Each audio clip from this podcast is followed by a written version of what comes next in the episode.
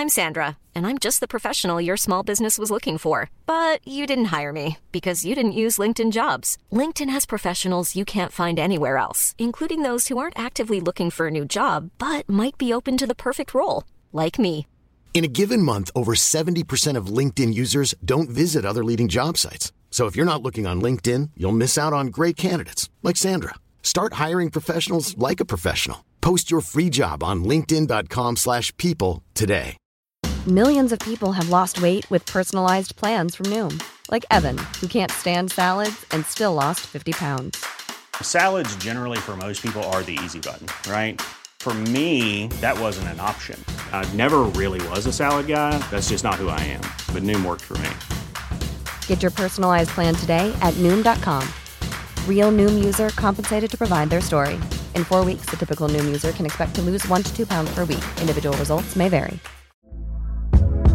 Hey there, it's Michelle Norris. I'm host of a podcast called Your Mama's Kitchen. When I travel, I'm usually looking for a way to find a taste of home when I'm not at home. And one of the things I love to do when I am at home is entertain. And Airbnb allows me to do that. When I was in California recently, I rented a house that had a great kitchen. And when we were sitting around the table, we're all thinking, we're in someone else's house. Someone could be in all of our homes as well.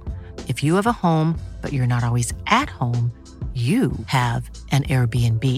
Your home might be worth more than you think. Find out how much at airbnb.com/slash host.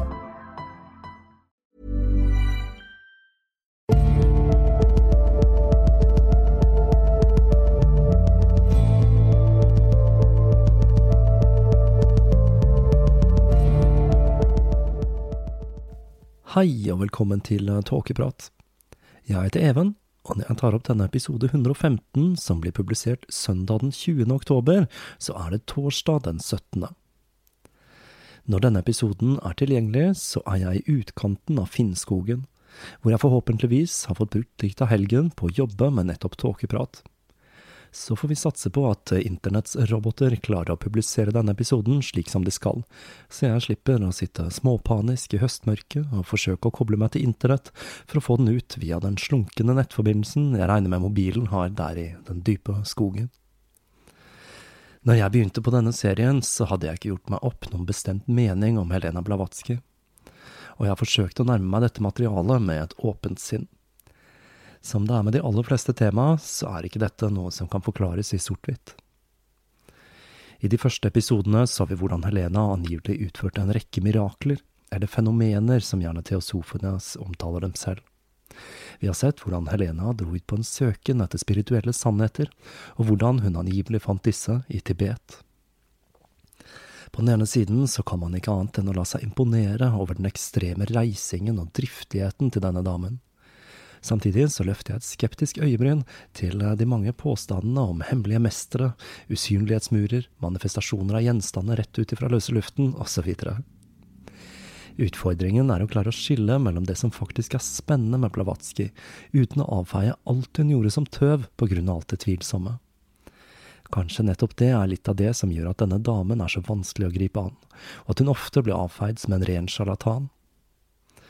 For det er ikke til å stikke under en stol at mye av tankegodset hennes faktisk var svært interessant, og hun sydde sammen vestlig esoterisk tradisjon med mystisisme fra Østen på en måte som fikk folk til å sette de store spørsmålene i et nytt lys. Ideen om et universelt brorskap, økologi, og som vi skal se i denne episoden, dyrevern, er jo slett ikke dårlige tanker og det føles litt for dumt å forkaste alle disse på grunn av hva som på overflaten ser ut som triks og lureri. I denne episoden skal vi se hvordan man angrep teosofien nettopp ved å forsøke å falsifisere disse fenomenene til Blavatsky. Men i perioden vi skal se nærmere på nå, så var det ikke lenger flygende tekanner, eller hva det nå det skulle være, som var hovedfokuset, men spredningen av teosofien som en motgift til religion som var visnet på rot, og som var fastlåst i etablerte doktriner. Dette gjorde jo naturlig nok at teosofene ikke var så rasende populære blant kirkens menn og det gjorde det kanskje ikke bedre at Helena skulle publisere sitt eget magasin i England med tittelen Lucifer, noe vi kommer litt nærmere inn på i denne episoden. Så selv om jeg ikke har kommet til noen endelig konklusjon, neppe vil gjøre det, og vi har en episode til av denne serien før jeg setter kroken på døra for Helena Blavatsky, så må jeg si at jeg syns denne damen er svært interessant, og hun imponerer med omfanget ideen hennes fikk i ettertid. Som hun selv påpekte, så tjente hun seg ikke rik på arbeidet med det teosofiske samfunn, og det gjør at det er litt lettere å tro at det hun drev med kom fra et genuint ønske om å gjøre noe godt. Samtidig så har jeg i bakhodet at denne damen drev med hva som for meg høres ut som mentalisme. Mange av disse fenomenene hun utførte, fra å få skrift til å dukke opp på ark av seg selv og få musikk til å oppstå ut av tomme luften, til eh, ting som tankelesning, er fenomener som helt fint kan utføres av en godt trent mentalist, eller en tryllekunstner, om du vil. Dette får meg til å lure om hun muligens brukte noen av disse tapte årene på å lære seg nettopp den typen triks for å skape seg et renommé i de ulike okkulte sirklene i Europa og USA. Men hvem vet? Så hvor skal vi egentlig plassere Helena Blavatsky? Var hun en svindler, en filosof, en religiøs martyr eller en slags profet? Det gjenstår å se, og da skal jeg gi meg i kast med denne episoden og se om vi ikke klarer å komme ett skritt nærmere svaret på gåten Helena Blavatsky.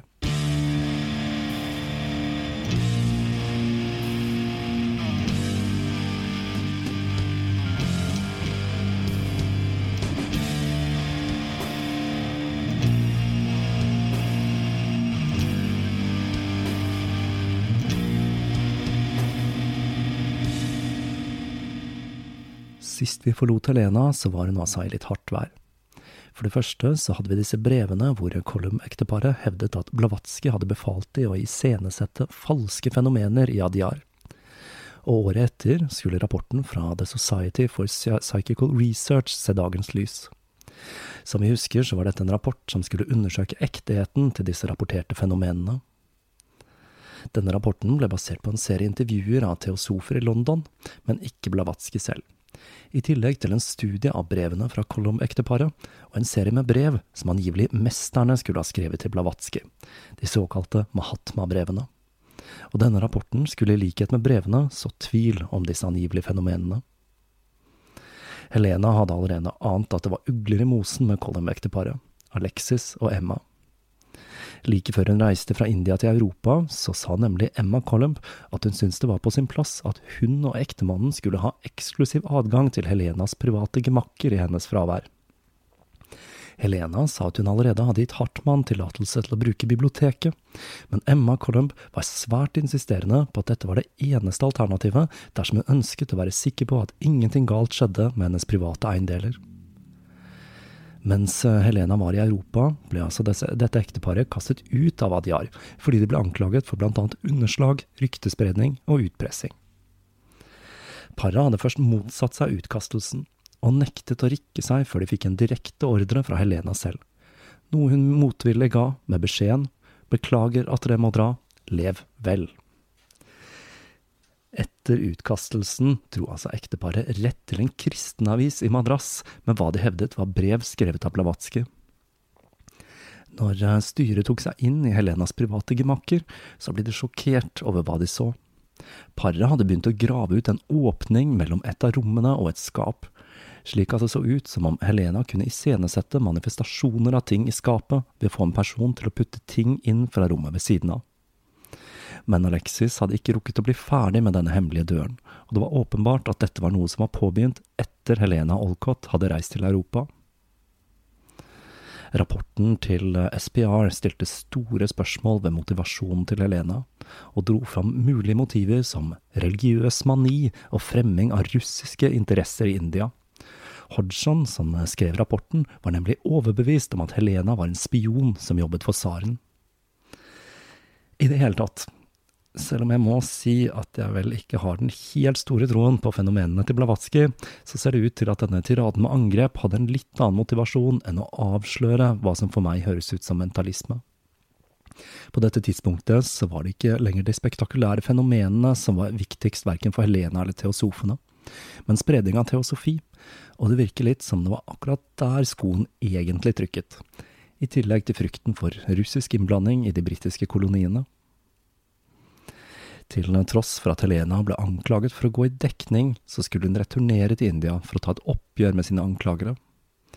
I et intervju med Paul Mall Gazette i oktober 1884 sa hun følgende. Jeg returnerer til India for å tiltale de som har angrepet min karakter og fabrikkert disse brevene.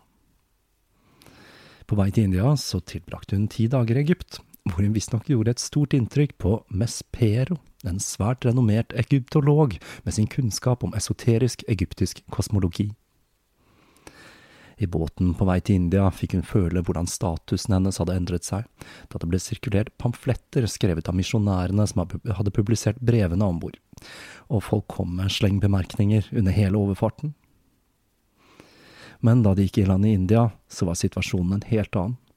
Hun ble tatt imot av en velkomstkomité som besto av en enorm menneskemengde, i tillegg til et korps som ønsket henne velkommen. Hun ble kjørt til et auditorium hvor hun fikk en erklæring underskrevet av 300 studenter fra Madras, inkludert flere fra det kristne colleget som hadde publisert brevene fra Columbeck-paret. Dette var en støtteerklæring som lovpriste arbeidet hun hadde gjort i India. Og jeg skal ikke lese hele denne erklæringen, men den siste setningen den lyder som følgende. Med dine åpenbaringer har vår elskede oberst, dvs. Si Olcott, blitt oppfordret til å påta seg et enormt arbeid av kjærlighet, gjenopplivningen av de døende flammene til religion og spiritualitet på alterne i Aryavarta. Og Aryavarta det er et gammelt navn på India. Så ting så altså ikke helt svart ut allikevel. Det er kanskje også verdt å merke seg at de priset Helena fordi hun var den som hadde fått Olcott til å gjøre den jobben han hadde gjort for å gi inderne og srilankerne en fornyet selvtillit og en ny interesse for sin egen kulturarv. Helena hun var fast bestemt på at hun måtte få saken sin prøvd for rettsvesenet, og forlangte at Olcott skulle hjelpe til. Men som vi husker, så hadde Olcott en svært tung juridisk bakgrunn, og han frarådet på det sterkeste å gjøre noe overilt som kunne sette henne i et enda dårligere lys. Teosofene satte sammen en egen komité bestående av noen av de fremste advokatene, dommerne og offentlige tjenestemennene de hadde i rekkene sine. Men til Helenas store skuffelse så kom de fram til at de ikke burde kjøre denne saken for domstolene. De mente at dette kunne være med på å sverte ryktet til teosofene ytterligere, da okkulte fenomener var noe som ikke kunne bevises i en rettssal. Og jeg kan vel ikke si annet at, enn at det sikkert var et veldig godt råd. Helena på sin side fryktet at dette kunne tolkes som en tilståelse, og at dette igjen ville gå utover integriteten til det teosofiske samfunn.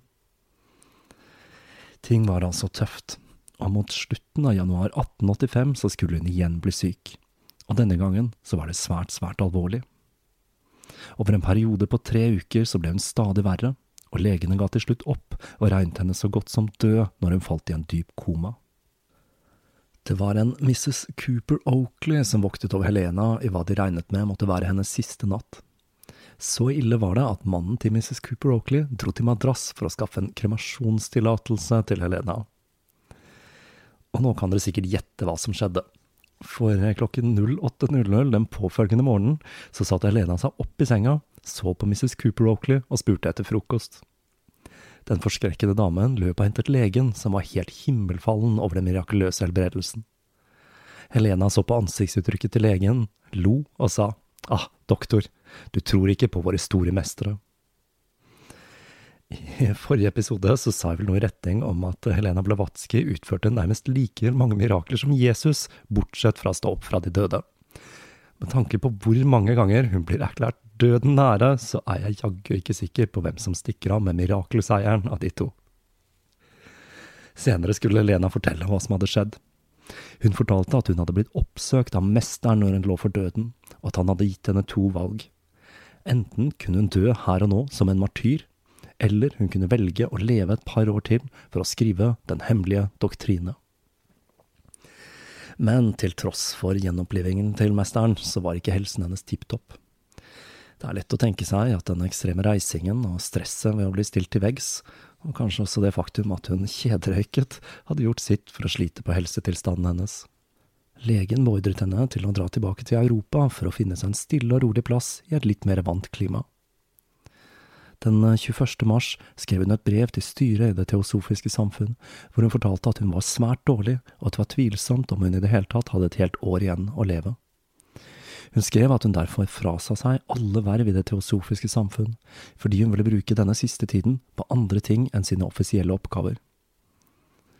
Den 31. mars forlot Helena Blavatsky India for siste gang, og hun satte kursen mot Napoli.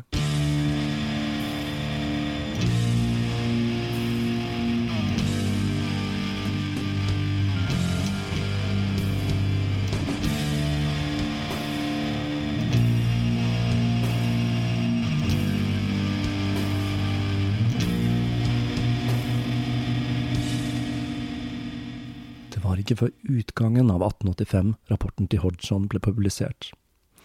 Han var sikker på at denne rapporten skulle torpedere det teosofiske samfunn, men det skjedde faktisk ikke.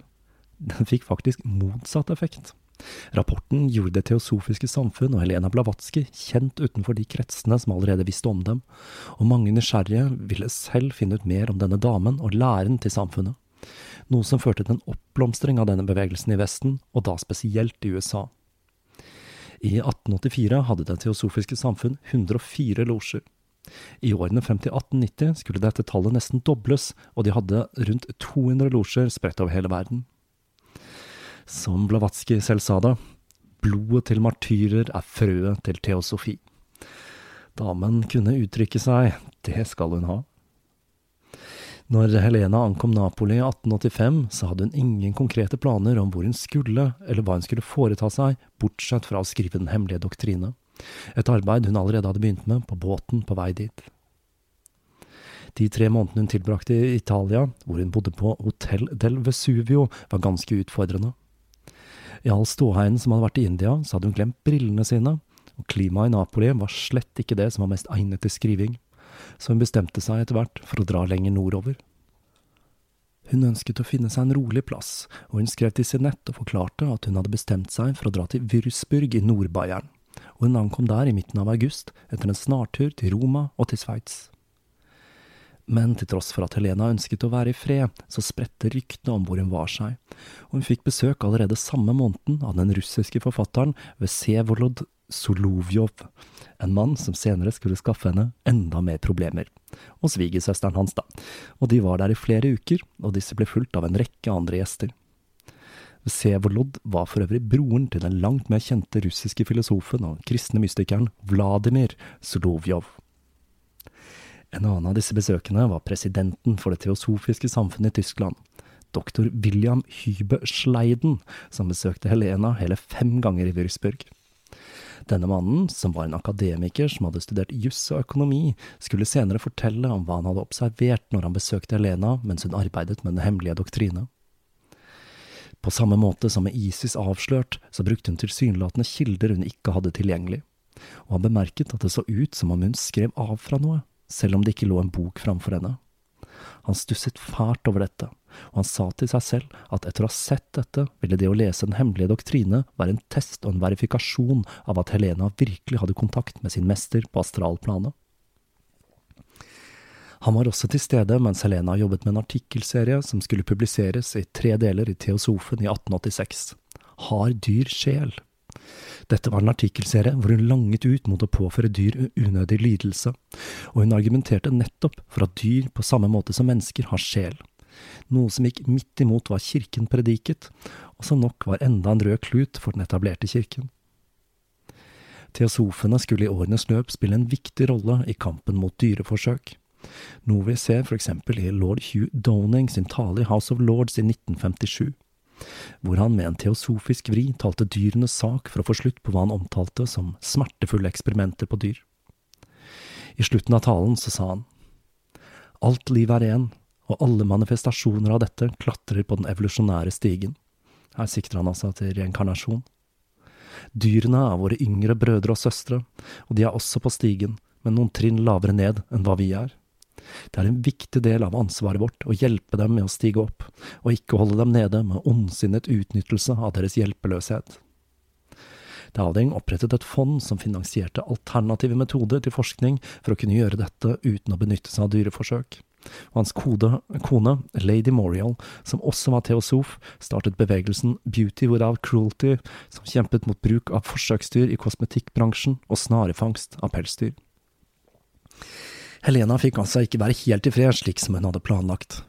Men så skulle det dukke opp en dame som skulle være svært viktig i den siste perioden av livet hennes, grevinne Constance Vaktmeister. Grevinnen kom fra en fransk familie, og hennes far var markien av Borbell. I 1863 så hadde hun giftet seg med en fetter, grev Carl Vaktmeister, som var stasjonert som den svensk-norske ministeren i London. Vi var jo i union med Sverige på denne tiden.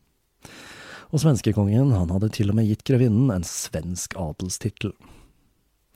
Etter mannens død i 1871 så ble grevinnen interessert i spiritisme, men hun fant denne praksisen utilfredsstillende, og i 1880 så kom hun over Isis avslørt, noe som gjorde at hun ble med i Det teosofiske samfunn. Hun møtte Helena for første gang i 1884, og dette møtet gjorde et så sterkt inntrykk at hun sverget å dedikere livet sitt til teosofi. Når grevinnen forlot Sverige høsten 1885, så hadde hun ingen planer om å dra til Helena i Würzburg, men til Italia. På vei dit så dro hun innom herr og fru Gebhard i Elberfeld. Som vi husker fra forrige episode, så var de de som var med å danne den første tyske teosofiske losjen. De spurte om hun ikke kunne utsette Italia-reisen litt, og legge turen innom Blavatski, siden de hadde mottatt et brev der hun skrev at det ikke var helt optimale forhold i Würzburg. Grevinnen sa seg villig til å tilbringe en måneds tid med Blavatsky. Men Helena skrev og nektet. Og hun skrev at det slett ikke var plass til en overnattingsgjest i den lille leiligheten hun In the market for investment-worthy bags, watches, and fine jewelry, Rebag is the answer. Rebag is a luxury resale platform where each piece is carefully inspected by experts to ensure quality and authenticity. Use Rebag to buy and sell finds from the world's top brands, including Louis Vuitton, Chanel, and Cartier. Head to Rebag.com and get up to 15% off your first purchase as a member with code REBAGNEW. Shop today at Rebag.com. That's R E B A G.com. And use promo code REBAGNEW for up to 15% off your first purchase as a member. Ryan Reynolds here from Mint Mobile. With the price of just about everything going up during inflation, we thought we'd bring our prices down. So to help us, we brought in a reverse auctioneer, which is apparently a thing. Mint Mobile unlimited premium wireless. Ready to get 30, 30, bit to get 30, bit to get 20, 20, 20, bit to get 20, 20, bit to get 15, 15, 15, 15 just 15 bucks a month. So, Give it a try at mintmobile.com slash switch. $45 upfront for three months plus taxes and fees. Promo rate for new customers for limited time. Unlimited more than 40 gigabytes per month. Slows. Full terms at mintmobile.com. disponerte i Bayern. Men rett før grevinnen skulle dra til Italia, så mottok hun et telegram fra Blavatsky, der hun ba henne komme med en eneste gang. Når grevinnen ankom Würzburg, så sa Blavatsky at hun beklaget sin merkelige oppførsel, men at hun først hadde avvist henne fordi hun kun hadde ett soverom, hun hadde tenkt at dette ikke var passende for en fin dame som grevinnen. Men like etter hun hadde postlagt brevet, så hadde mesteren tatt kontakt, og han hadde fortalt at hun måtte be henne komme med en eneste gang. Dette skulle bli starten på et vennskap som skulle vare helt frem til Blavatskis død. Grevinnen flyttet inn til Helena, og de sov på det samme soverommet, med kun et skjermbrett imellom de to for privatliv. Med unntak av noen få forretningsreiser grevinnen måtte på, så skulle de to bo sammen helt fram til Helena døde. Det har blitt spekulert i om Helena Blavatski var lesbisk, og tanken har slått meg et par ganger i løpet av denne fortellingen. Som når hun reiste med en dame som foretrakk at hun kledde seg som en ung mann, og også det at hun bodde sammen med denne grevinnen i siste delen av livet. Så føler jeg at dette er ting som kan tyde på dette. Her kan jeg få komme med en anbefaling av lydboka Victorian Secrets av Stephen Fry, hvor han blant annet tar for seg homofil og lesbisk historie i viktoriatiden. Her forteller han at den lesbiske kulturen i stor grad var skjult og ikke kjent blant folk flest i samtiden, i motsetning til den homofile. Så her er det jo et lite tankekors, uten at jeg føler behovet for å se nærmere på den muligheten i denne serien. Grevinne Vaktmeister er derfor også et vitne til arbeidsprosessen til Blavatsky, og hvordan hun angivelig eh, så det som skulle skrives i den hemmelige doktrine, i astrallyset for sitt indre øye. Det som er litt artig her, er at grevinnen fortalte at når hun først kom til Blavatsky, så betraktet hun seg selv som en svært viktig person, og besøket hos Blavatsky som en slags gest mot en som ikke hadde den samme sosiale statusen som hun selv. Dette skulle raskt endre seg i nærværet til Helena, og grevinnen fortalte at hun måtte gjennomgå en indre kamp for å lære seg ydmykhet og innse at livet hun hadde levd frem til da, var hult og uten innhold.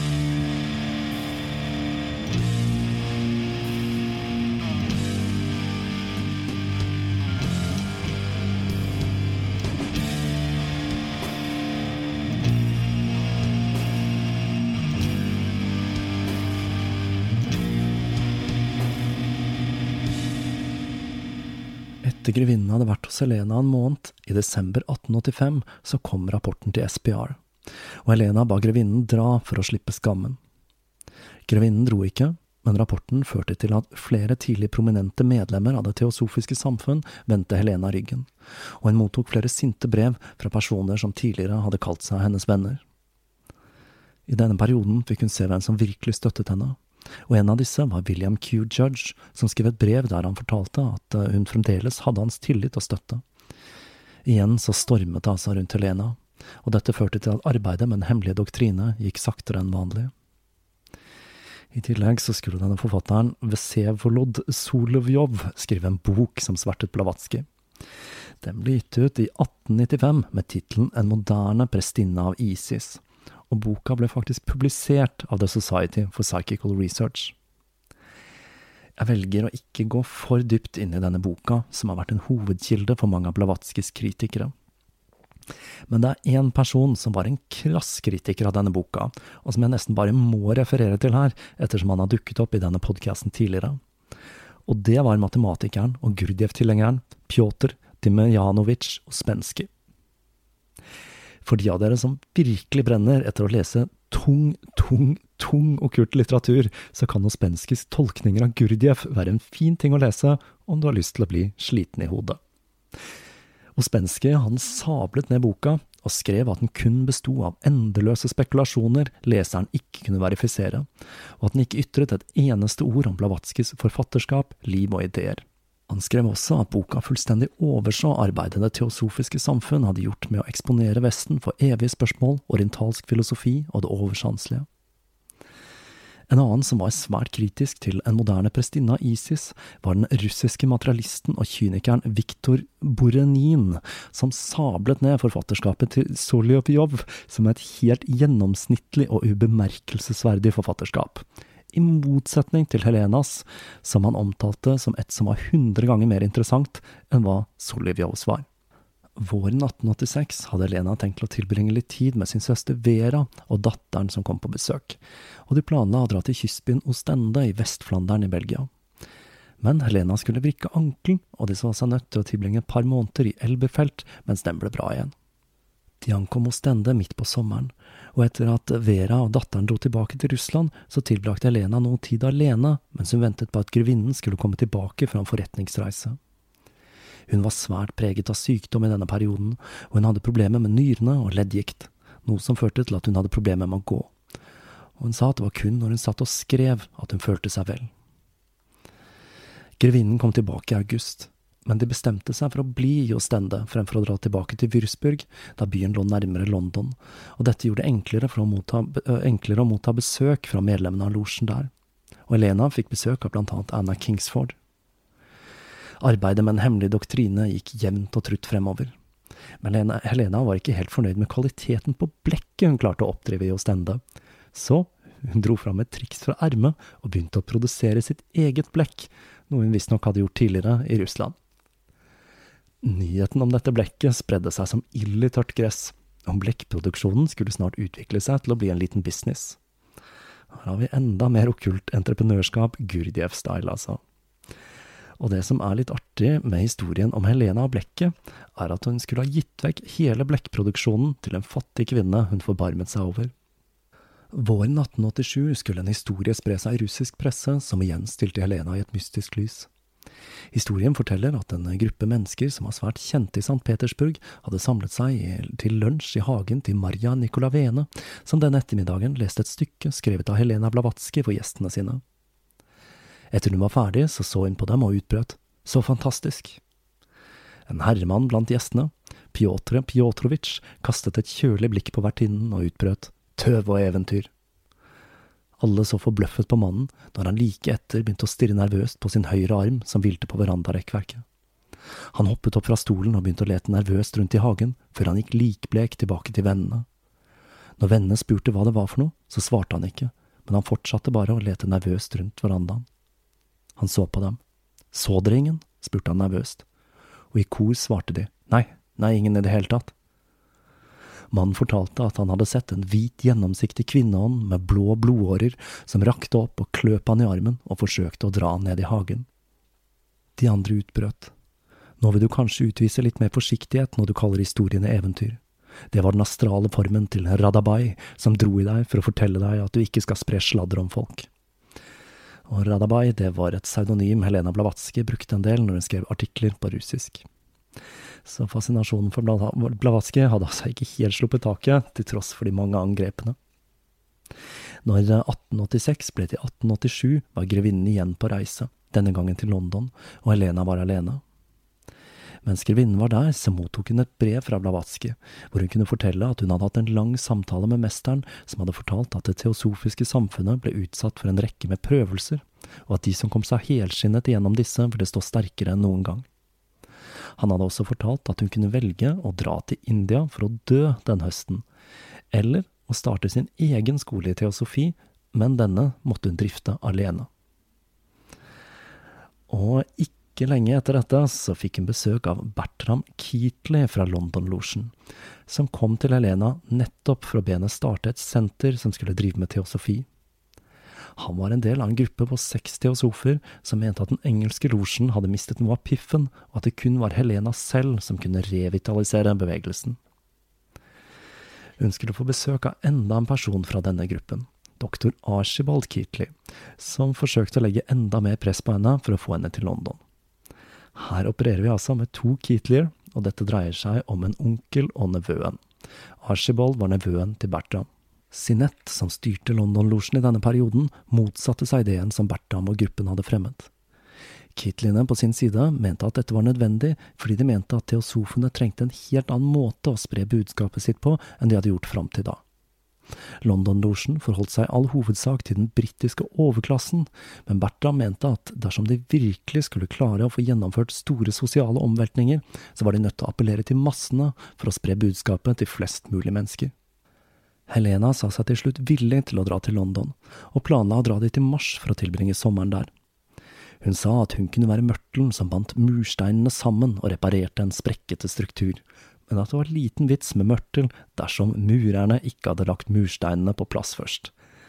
Som sagt så har jeg sans for mange av disse utsagnene til Blavatsky. Planen var at grevinnen skulle dra til Sverige for å selge eiendommene sine der, før hun dro tilbake til Helena for å tilbringe resten av tiden sammen med henne. Ti dager før avreise skulle Helena atter en gang bli svært syk. Denne gangen sviktet nyrene hennes, og igjen så ga legen henne opp. Grevinnen bemerket at hun kunne lukte død av damen. Men som før så overlevde hun uten at legene kunne forklare hvorfor, og på samme måte som sist så hadde hun blitt gitt et valg. Hun kunne dø, eller hun kunne fortsette å leve, men da ville hun bli utsatt for enda flere prøvelser. Siden hun holdt på å dø hele tiden, så bestemte hun seg for å sette opp et testamente. Og det gikk helt fint, det, inntil advokaten oppdaget at hun hadde testamentert alt hun eide til grevinnen og ingenting til familien. Han ble redd grevinnen hadde misbrukt tilliten til Blavatsky, frem til madame Gebaid forklarte for advokaten at Helena Blavatsky knapt nok eide nok til å dekke utgiftene til sin egen begravelse. Den 1. mai 1887 satte Helena kursen mot London for å bosette seg i en hytte, Maycott, i Upper Northwood, som skulle være en base der hun skulle starte en ny æra for teosofi i Vesten og kun tre uker etter hun hadde dratt hit, så opprettet hun en ny losje, Blavatsky-losjen, med 14 yngre medlemmer fra Det teosofiske samfunn, og målsetningen til denne losjen skulle være aktivt teosofisk arbeid. For å spre budskapet til Blavatsky-losjen, så startet hun et nytt magasin som fikk tittelen Lucifer Lightbringer, sammen med skribenten Mabel Collins. Og det er vel ikke så vanskelig å tenke seg at den friske tittelen ikke gjorde henne enda mer populær med kirken. I denne perioden skulle Helena i stor grad slutte å benytte seg av disse fenomenene. Hun fortalte at de hadde feilet i å oppnå ønsket resultat, og at selv om de fascinerte og tiltrakk seg oppmerksomhet, så var folk langt mer interessert i fenomenene for deres egen del enn den faktiske læren som lå bak. Selv Sinette, som var svært skeptisk til at Blavatsky kom dundrende inn i London og åpnet sin egen losje, bemerket like etter hennes død at hun hadde brukt den siste tiden på å fremme den praktiske anvendelsen av teosofi framfor fenomenene hun var så kjent for. Like etter hun flyttet til Maycott, så overleverte hun manuskriptet til den hemmelige doktrine til de to Catelyene, som begge var utdannet ved Cambridge. De konkluderte med at dette var en ekstraordinær bok, men at den manglet struktur, og Helena ba dem fikse på dette etter de hadde skrevet av originalmanuset. De bemerket også at Blavatsky hadde roet ned fenomenene, men de fortalte at fremdeles så skrev hun sitater som tilsynelatende kom ingensteds fra. Bertram var litt nervøs for disse sitatene, hvor Helene oppga ting som forfatter, bok, sidetall osv., og han spurte om det kanskje ikke var best at han sjekket ut noen av disse. Og som historien går, så skulle det vise seg at de stemte, selv i de mest obskure bøker han måtte til British Museum for å få tak i. Det var noen unntak, som da Blavatsky hadde oppgitt sidetallet 307, så skulle det vise seg at det egentlig dreide seg om 703. Dette skyldtes ifølge Blavatsky at tallene viste seg speilvendt når de viste seg for henne i det astrale lyset. Det er lett å lese feil fra det astrale lyset, altså. Etter fire måneder i Maycoats så trengte Helena å utvide losjen, og de flyttet til en mer sentral plassering i London, i 17 Landstone Road, en treetasjes bygning som var omgitt av et hageanlegg, og det hele ble markert med en gallamiddag som sammenfalt med publikasjonen av det første nummeret av Lucifer. Det ble selvsagt litt rabalder med tittelen til magasinet, men i det første nummeret så forklarte hun at koblingen mellom Lucifer og djevelen er feil. Lucifer var et utrolig passende navn til magasinet, forklarte hun. Lux, lucis, betyr lys, og færre, bærer av, altså bæreren av lyset. Hun skrev videre at det var kun av Miltons Det tapte paradis at Lucifer var blitt forbundet med djevelen, og at Lucifer var et navn de første kristne selv brukte om Kristus. Magasinet åpnet også for innlegg av personer som ikke var teosofer, og det førte til at det også inneholdt satire om teosofene, noe som vel må kunne sies å være positivt. For eh, selvironi, det er vel et tegn på styrke, i hvert fall om du spør meg. Grevinne Vaktmeister kom tilbake fra Sverige i september 1887, og hun ble ansvarlig for det nye teosofiske forlaget som var blitt etablert i Duke Street like før hun kom til London. Igjen så var Helena Blavatsky i sitt ess, og Blavatsky-losjen var et samlingspunkt for horder av besøkende, søkende og nysgjerrige. Det var også i denne perioden fotografen Enrico Resta skulle ta det mest kjente fotografiet av Helena Blavatsky, Svingsen, et bilde jeg nok bruker til å illustrere denne episoden. Helena var opptatt av at dette skulle bli et naturlig fotografi, og hun så rett inn i kamera. Og Enrico tok totalt seks bilder i denne serien. Etter han la opp som fotograf, så var det kun disse seks negativene han tok vare på, og han donerte disse til Det teosofiske samfunnet i London i en alder av 85 år. Det var altså som om flammen var tent på ny i Blavatsky, og nå var det hennes tur til å lange ut mot kirken. I Lucifer publiserte hun en serie i tre deler om den esoteriske tolkningen av gospelene. Hun sa at Jesus lærte disiplene sine en esoterisk eller hemmelig doktrine som ble ivaretatt av de kristne gnostikerne. Noe som var blasfemi for kirken på den tiden, siden de mente at gnostisismen var en kjettersk tradisjon som hadde vokst fram i den katolske kirken i det andre århundret. Helena sa, på nesten alle områder er kirkens doktriner i direkte opposisjon til læren til Jesus.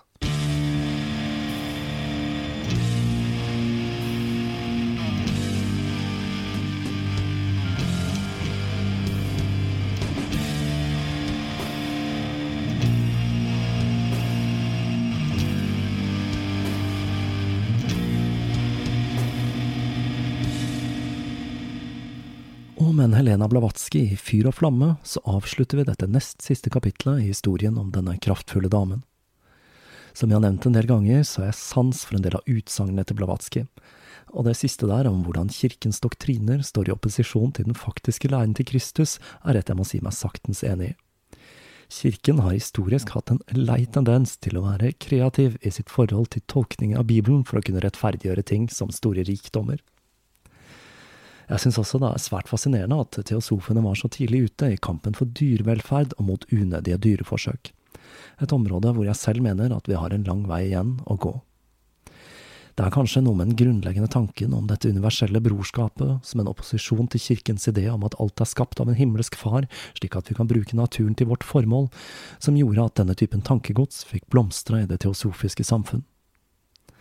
Denne historien er som sagt langt fra sort-hvitt og jeg syns det må være lov å ta med seg tanker og ideer her som er positive, uten å bli helt trollbundet av denne kjederøykende, kraftfulle damen med sine mange nære døden-opplevelser.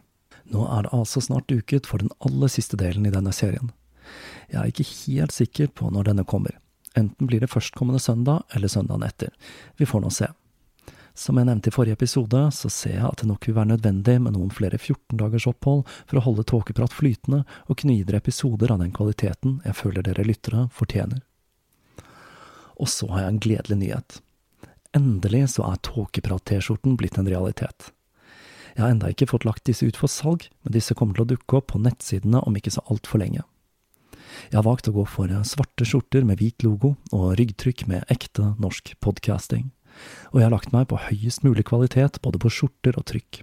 Og jeg kommer til å gi beskjed i sosiale medier når disse er tilgjengelige. Dette dreier seg om skjorter fra den velrenommerte London-baserte produsenten Continental Clothing. Og jeg har til og med fått trykket et begrenset opplag i Girly så her er det muligheter for de som er tidlig ute. Det som blir litt spennende, er å se hvordan jeg takler logistikken med forsendelser og slikt. Jeg skal få de ut, altså, men jeg er ikke akkurat Amazon heller, så dere får ha litt tålmodighet med meg. Men nå blir det i alle fall skjorter. Og det er noe jeg hadde lyst til å lage i en lengre tid, og noe som har vært en del av planen å få på plass denne høsten. Jeg har også fått en ny batch med klistremerker, og jeg kommer til å sende ut disse sammen med skjortebestillingene så lenge beholdningen rekker. Så da får vi satse på at disse blir tilgjengelige for salg i løpet av uka, og at jeg klarer å sjonglere mellom skjortesalg og podkastproduksjon når jeg gir meg i kast med den aller siste perioden i livet til Helena Blavatsky. På gjenhør.